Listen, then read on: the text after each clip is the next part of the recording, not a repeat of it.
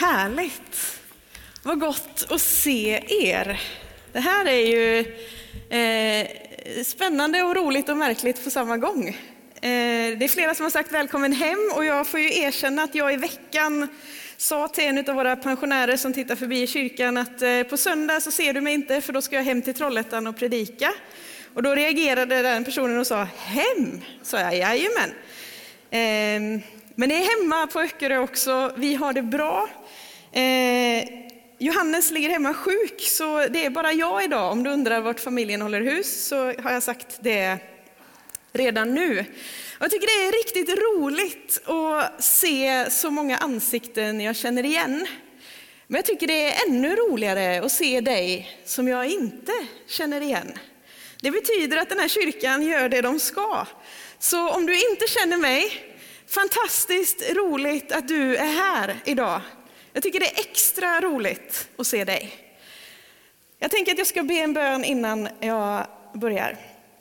Herre, jag tackar dig för att du är den Bibeln säger att du är. Jag tackar dig för att vi kan få lita på dig. Tackar dig för att du är god, du är kärleksfull, du vill oss väl. Herre, jag ber dig att du ska tala till oss idag. Hjälp oss att sitta med öppna hjärtan för det du vill säga. Amen. Amen. Du ska idag få följa med mig till en text i ett av våra evangelier, Matteus evangelium. Och vi ska ta vårt avstamp i fem verser som vi hittar nästan mitt i den berättelse som han skriver om Jesus.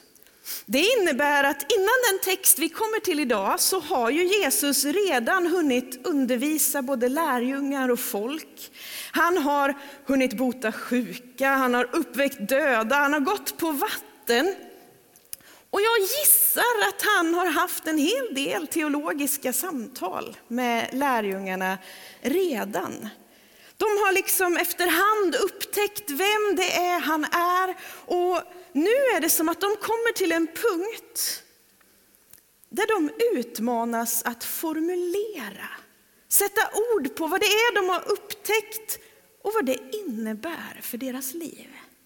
Följ med mig till Matteus 16, ska vi läsa vers 13 till 18. När Jesus kom till trakten av Caesarea Filippi frågade han sina lärjungar, vem säger människorna att Människosonen är? De svarade, vissa säger Johannes döparen, andra Elia och andra Jeremia eller någon annan av profeterna. Han sa till dem, och ni, vem säger ni att jag är? Simon Petrus svarade, du är Messias, den levande Gudens son. Jesus sa till honom, salig är du Simon, Jonas son, för det är inte kött och blod som har uppenbarat det för dig, utan min far i himlen. Och jag säger dig, du är Petrus, och på denna klippa ska jag bygga min församling. Och helvetets portar ska inte få makt över den. Utifrån de här raderna så har jag idag tre tankar som jag vill dela med dig. Och min första tanke grundar sig i det där att Jesus vänder sig till lärjungarna och så frågar han, vem säger folket att jag är? Varför gör han det? De har gått omkring, blivit undervisade, lärjungarna har sett Jesus göra mirakler, varit med om hur människors liv förvandlats i mötet med honom. Och så frågar han, vem säger folket att jag är? Vad är ryktet på stan? Det verkar ju finnas många bilder här. Och uppfattningen om vem Jesus är verkar skilja sig åt. Och dagens första punkt är faktiskt en fråga. Vems gudsbild gäller? Alla kan väl inte ha rätt samtidigt? Eller? Alltså i över tio års tid så har du, om du är en trogen SVT-lyssnare eller tittare snarare skulle man säga, kunnat följa ett intervjuprogram där det samtalats med kända svenskar och titeln för programmet är min sanning. Kanske hört talas om det programmet? Som att det är helt självklart att eh, var och en kan skapa sin egen sanning om tillvaron baserad på våra egna upplevelser och tankar.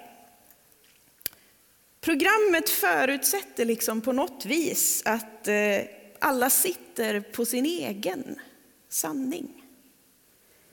Vi lever i en tid då sanning har blivit någonting individuellt.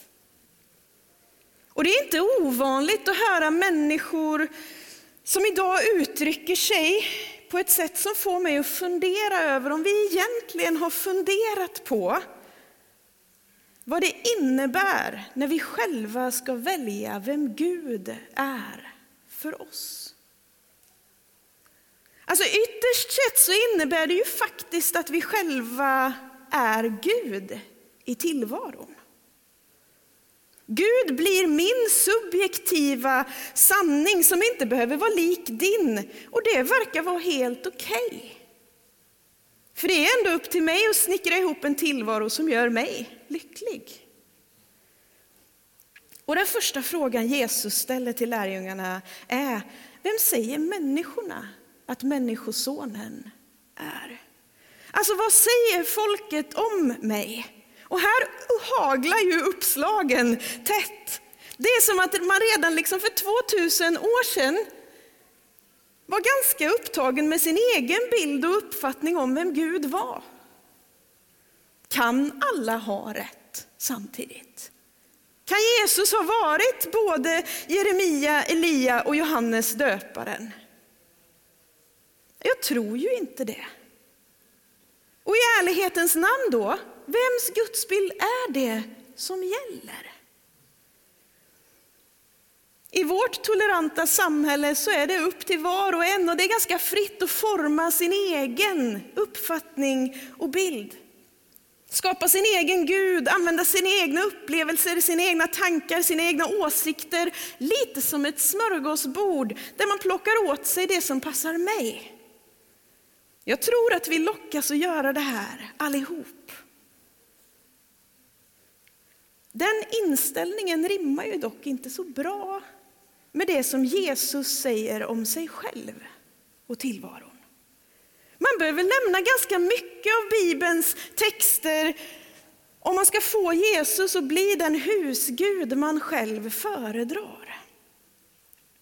Han säger ju bland annat i Johannes evangelium så här.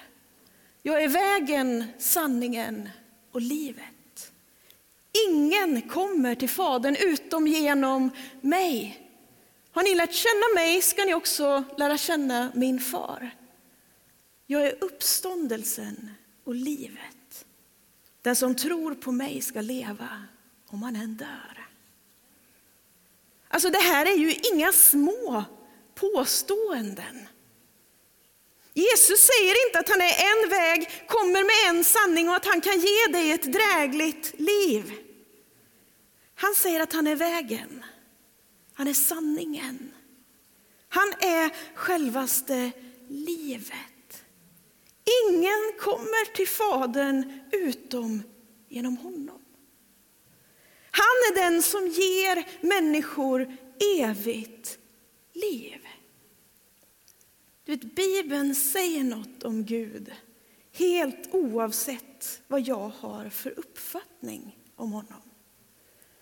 Och skulle jag svara på frågan om vems gudsbild det är som gäller då är mitt svar att jag alltid kommer att tro mer på Bibelns gudsbild än på min egen.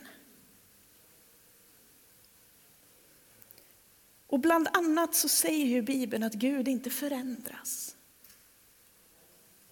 Det innebär att han är den han är oavsett vad jag har för uppfattning. Och det är ju helt omöjligt för mig att här idag på en kort stund måla en heltäckande bild av vem Gud är. Men jag skulle vilja ändå säga några saker om vem Bibeln säger att Jesus, att Gud är. Därför är min andra punkt idag Bibelns gudsbild.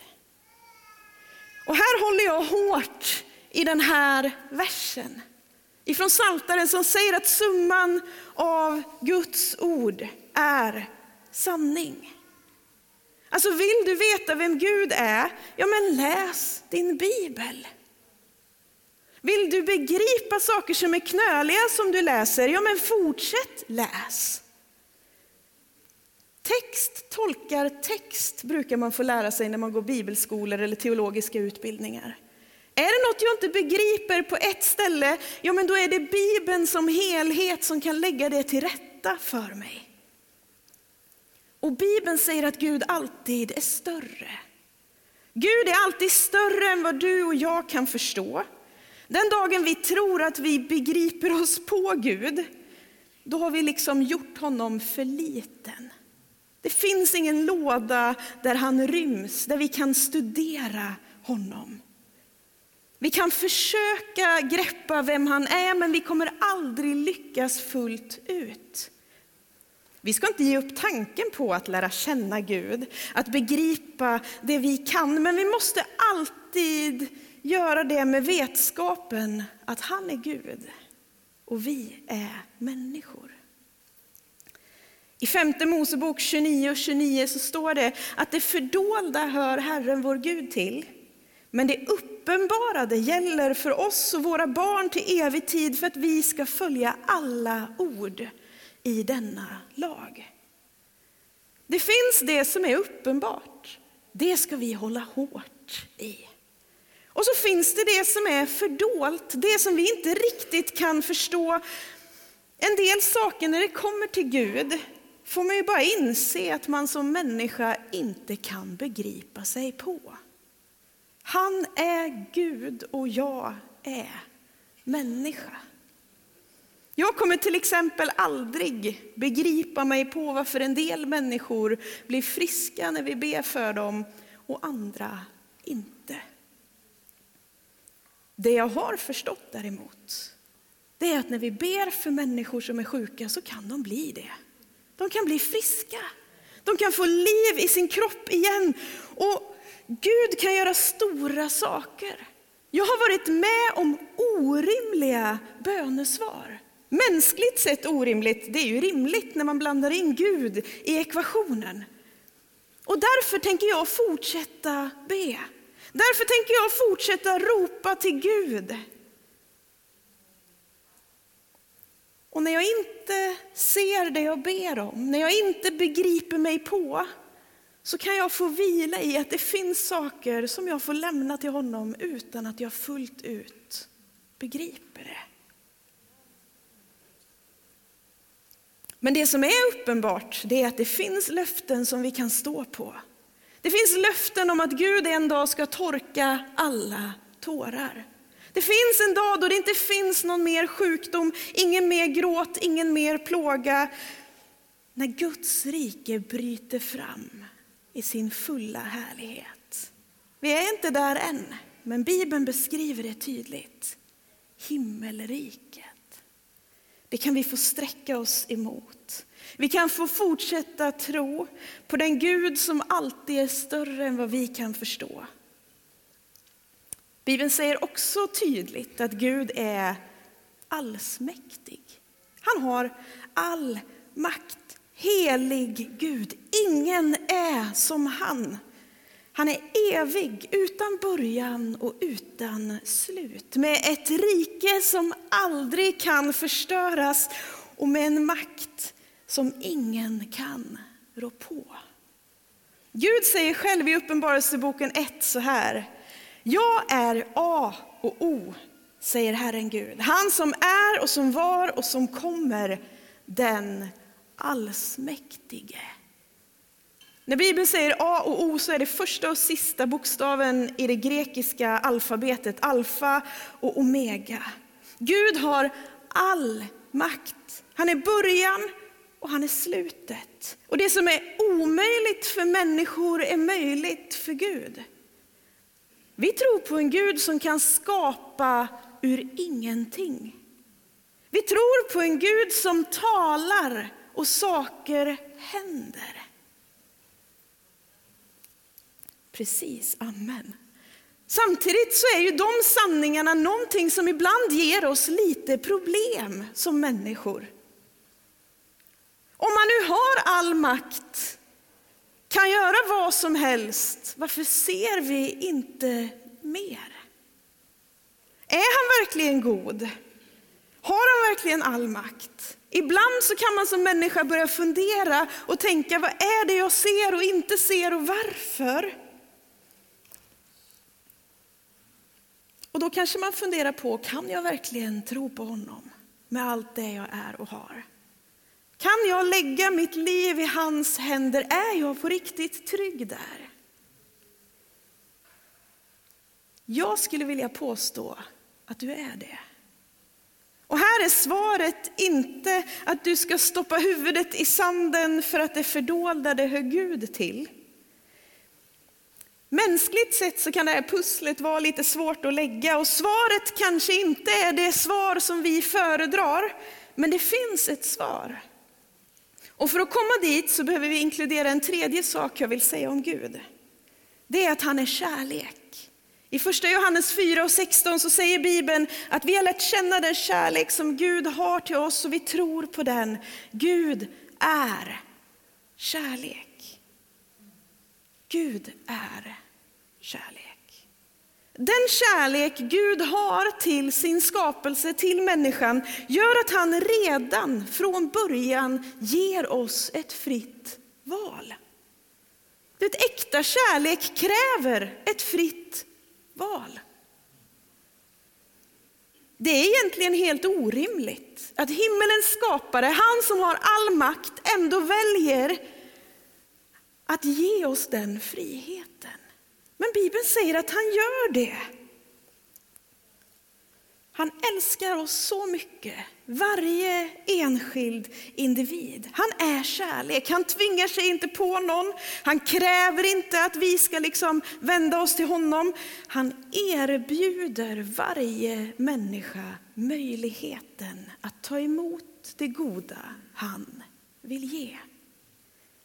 Och när vi ser den värld som är så trasig, som lider så mycket, då ser vi konsekvensen av att han respekterar den fria viljan. Vi kanske inte tycker om det, men Gud är fast besluten att låta oss behålla den fria viljan. Han vill inte beröva oss möjligheten till sann kärlek. Människan är fri att välja relationen till Gud eller inte. Och Gud respekterar det valet. Även om det innebär att Guds godhet inte har det spelrum på jorden som han skulle längta efter. Det innebär inte att Gud är likgiltig för vårt lidande. Bibeln beskriver att Gud längtar efter människan, att han känner med oss. Han önskar inget annat än att komma med sitt goda, komma med sin frid. När Jesus i påsktid rider in mot Jerusalem så står det att han stannar till, blickar ut över staden, ser hur den lider och så gråter Jesus över människornas lidande. Och så säger han, tänk om du idag hade förstått också du vad som ger dig frid. Det är som att hela Guds hjärta för mänskligheten blir så synlig i de tårar som rinner ut för kinderna på Jesus. Gud gråter över mänsklighetens lidande. Han längtar efter varje människa. Han vill inget hellre än att hans rike och hans frid ska få bryta fram på jorden. Det är Bibelns Gud. Han är större än vad jag kan förstå. Han är allsmäktig och han är allt igenom kärleksfull. Det är några av de sakerna som Bibeln säger om Gud, som är uppenbara. Och den insikten, ja, den gör någonting med mig som människa. Det går nämligen inte att finna Gud utan att samtidigt själv finna sig själv. Och sista punkten idag är att bli funnen i Gud. Det är inte bara Petrus som säger någonting om Jesus i den text vi har läst. I erkännandet av Jesus så finns det ett du är till Petrus. Att välja att låta Bibelns gudsbild tala in i livet är samtidigt att välja Bibelns perspektiv på tillvaron, på människan, ytterst sett på sig själv. Du är inte vad du jobbar med. Du är inte vad du brottas med, du är inte dina betyg eller vad någon annan människa har sagt om dig. Du är inte ens det som du själv säger om dig hemma framför spegeln. Väljer du Bibelns gudsbild, att låta Jesus bli Herre och Mästare in i ditt liv, då väljer du Bibelns sanning om dig som människa. Gud säger någonting om vem du är och det är vad Petrus får möta när han erkänner Jesus som Messias. Samtidigt som han erkänner vem Jesus är så erkänner han också Jesu auktoritet in i sitt eget liv. Och jag föreställer mig att det är det som bär Petrus när han senare tar sig igenom några av sitt livs största misslyckanden. Han är den som i påsktid förnekar sin egen mästare. Han som sa att han var villig att ge sitt liv. Han är den som står där och säger, jag känner inte den mannen. Hur tar man sig igenom ett sånt svek? Jo, man lutar sig mot det faktum att Bibeln säger någonting om oss helt oavsett vad vi presterar, vad vi agerar, våra misslyckanden eller våra prestationer. Vi är så vana vid att bli bedömda utifrån det vi presterar.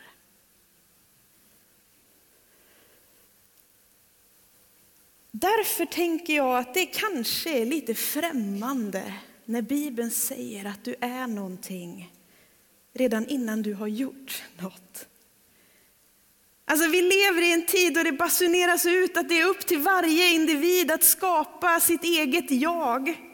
Det är dina liksom, prestationer, det är dina betyg, det är det du väljer. Du skapar din egen identitet. Allting är upp till dig. Hela tillvaron vilar på dina axlar. Och när det skiter sig, ja men då finns det ingen annan än du att skylla.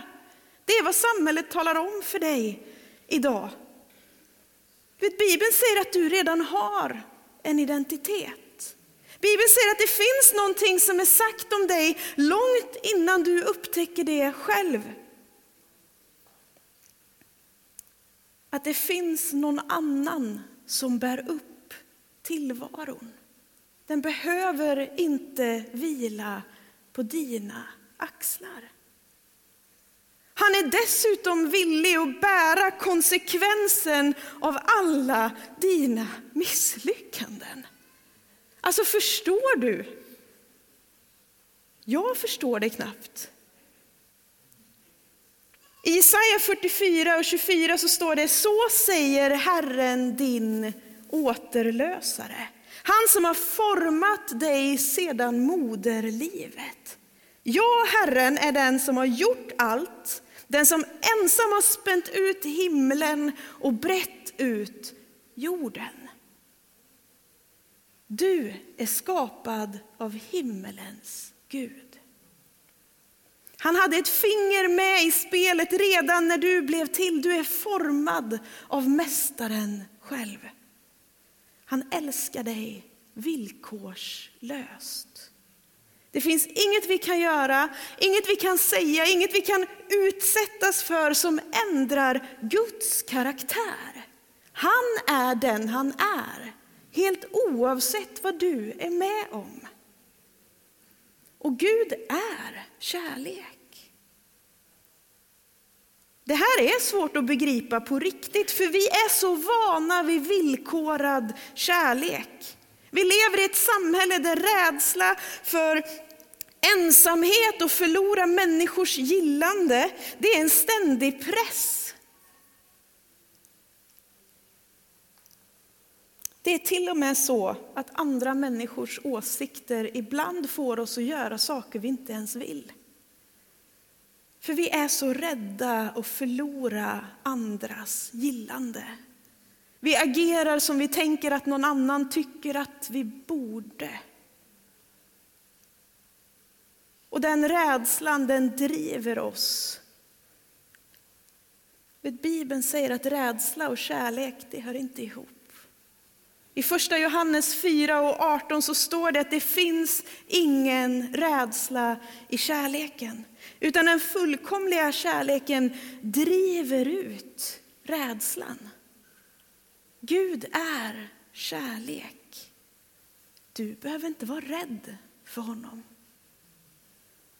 Du behöver inte fundera på om du kommer förlora hans gillande eller hans kärlek. Den är evig.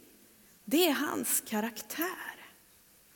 Den är oberoende av dig. Han vill dig väl. Bibeln säger att han har goda tankar och planer för dig. Att du och jag har fått Bibeln för att Gud vill att vi ska få ut det mesta av livet. Han erbjuder dig och mig en annan väg. För att du är älskad. Det är inte upp till dig att skapa din egen version av Gud. Han är den han är helt oberoende av vad du tänker. Och dagens text kommer från Matteus evangelium. Evangelium betyder goda nyheter. Du vet, kristen tro, vandringen med Jesus, det är goda nyheter för varje människa. Bibelns ord in i ditt liv är goda nyheter. Det är inte en mall för dig att försöka pressa dig in i eller leva upp till. Ett erbjudande om ett annorlunda liv. Kantat av Guds närvaro, av hans ledning, av hans tilltal. Där Guds plan för ditt liv kan få bli verklighet. Det är vad Jesus erbjuder, inte påbjuder. Och Bibeln säger att Jesus öppnar vägen till Fadern genom att ge sitt liv. Det gjorde han av kärlek. Guds gåva till dig och mig är verkligen att han ställer allt till rätta. Det finns ingen bättre försäkring om du lyssnade till Marian här förut. Det finns inget annat som bär igenom ett helt liv. Och min fråga till dig idag, det är samma fråga som har ekat i 2000 år. Vem säger du att han är? Vem säger du att Jesus är? Han erbjuder dig ett annat liv. Du kan få välja att ta emot det. Kanske att du sitter här som inte riktigt vet om du kallar dig kristen. Du kanske inte riktigt vet hur du ser på dig själv och på din tro. Vet, idag har du möjlighet att säga ditt ja till Jesus för första gången. Bli frälst säger Bibeln att det heter. Du kan gå fram till en av våra förebedjare här sen och säga, jag vill börja tro på Jesus, så ber de med dig. Och så kan du få veta att du vet att du vet att det Jesus har gjort, det gäller för dig. Du kanske finns här som skulle behöva sätta Jesus på sin tron igen i ditt liv. För det är så lätt att ta det i sina egna händer. Det är så lätt att tänka, nej men är det verkligen så där eller borde vi verkligen? Och så blir man så upptagen med allt sitt eget. Och så tappar man en del av den där friden. Man tror att man ska lösa tillvaron själv. Du kanske skulle behöva ge upp lite grann idag. Säg Jesus, jag vill att du sätter dig på din tron. Jag vill att den där tyngden på mina egna axlar ska släppa en aning. Jag vill att du är den som bär upp tillvaron. Du kanske till och med är i en fas där du känner att livet är så tungt att du inte vet hur du ska ta dig vidare. Då kanske du i desperat behov skulle behöva säga till Jesus, nu får du ta det här. Jag orkar inte bära mer. Och så kanske du finns här som skulle behöva låta Bibeln få tala sanning in i ditt liv på nytt. Kanske har tappat din bibelläsning. Du kanske har tappat din tilltro, du kanske har läst alldeles för mycket kommentarsfält på nätet eller börjat fundera på men vad är det egentligen vi tror på, vad är det som står? Men du har inte, du har inte liksom vänt dig till boken. Och ibland så är det ju, idag skulle jag säga att det är ganska snårigt med folks åsikter hit och dit. Vet du vad? Du kanske skulle behöva få en ny kärlek till att läsa Guds ord. Så att du själv känner att du står rotad i din tro. För det är inte andra människors åsikter som kommer bära dig, det är Guds ord som kommer att bära din tro. Så jag tänker vi ska ta en stund tillsammans här. Lovsångsteamet kan få komma fram. Jag ska be en bön och under tiden jag gör det så kan förebedjare också få komma fram. Och jag tänker du kan få ställa dig upp och be tillsammans med mig. Och nu har du möjligheten att vända din bön till Gud, att be om det du behöver. Och så har du möjlighet att komma fram till en av våra förebedjare. Det är helt vanliga människor som tror på en väldigt stor Gud. Så oavsett vad du kommer med, oavsett vad du bär på, oavsett vad din längtan är. Det kanske är så att du bara känner så här, jag vill bara gå till någon som kan få välsigna mig idag. Då har du världens möjlighet att låta himmelens Gud röra vid dig. Så förbönsplatsen är öppen. Vi ber. Herre, tack att du är den Bibeln säger att du är. Tack att du är evig Gud, tack att du är allsmäktig far och tack att du är allt igenom kärleksfull. Tack att du är större än vad vi kan begripa och du är den som håller tillvaron i dina trygga händer. Tack att vi kan få vila tryggt där. Tack att du vill oss väl. Tack att vi kan få lita på att du älskar oss och att du vill gott för våra liv. Och tack att vi kan få ge upp den kamp som livet är i dina trygga händer och finna verklig frid. Herre, jag ber dig att du kommer till oss. Du möter med oss i den här stunden, att du lägger saker till rätta. Herre, kom med din frid. Kom och ta din plats på din tron, Herre.